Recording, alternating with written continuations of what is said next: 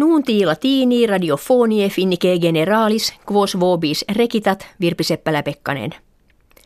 Homines qui borim Nemtsov dukem oppositionis russie occidisse suspici untur in ingusia de prehensi et Moskuam missi sunt. Omne sunt origine Tsetseni. Unus ex his se participem cedis fuisse in judicio Moskuensi confessus est. Tres culpam negaverunt. Quis cedem mandaverit ad hoc ignoratur. In urbem New York multa milia hominum edi versis mundi regionibus ad diem internationalem feminarum celebrandum congregata erant. Ban Ki-moon, secretarius generalis nationum unitarum, sollicitus est presertim, quod stupra feminis illata in bello pro armis adhibentur exempli gratia in Nigeria, Irakvia, Syria. In platea Petriana urbis Rome, Papa Franciscus monuit, mundum sine feminis sterilem esse. Femine vitam portant inquit et vident longius. Nobis transferunt potestatem longius videndi, et mundum aliis oculis intelligendi, corde magis creativo, patientiore, teneriore.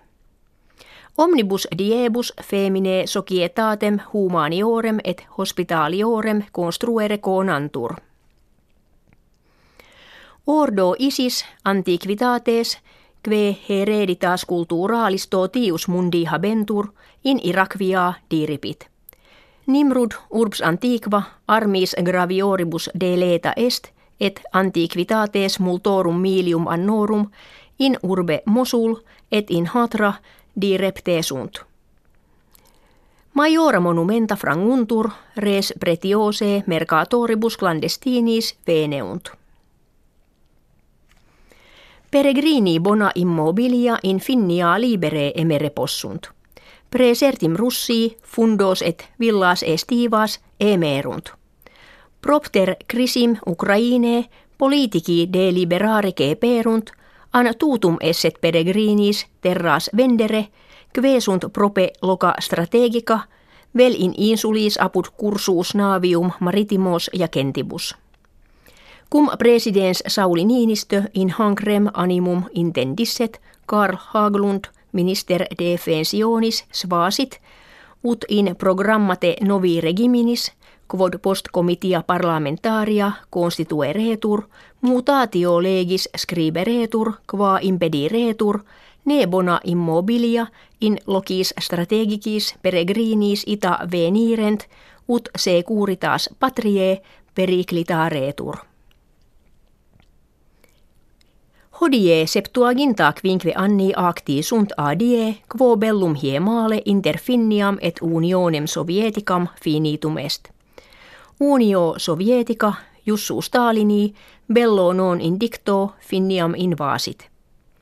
Propositum erat Stalini totam finniam expugnare, sed gravibus cladibus acceptis, post centum quinque dies incepto destitit. Finni plus vigintis ex milia militum ami serunt, ex parte unionis sovieticae, plus ducenta milia kecidisse estimantur. Pacto Moskuensis, Finnia unioni sovieticae, magnam partem Karelie, et kertaas regiones Finnie orientalis, cedere coacta est, preterea insula sinus finniki exteriores. Libertatem autem et independentiam servaavit.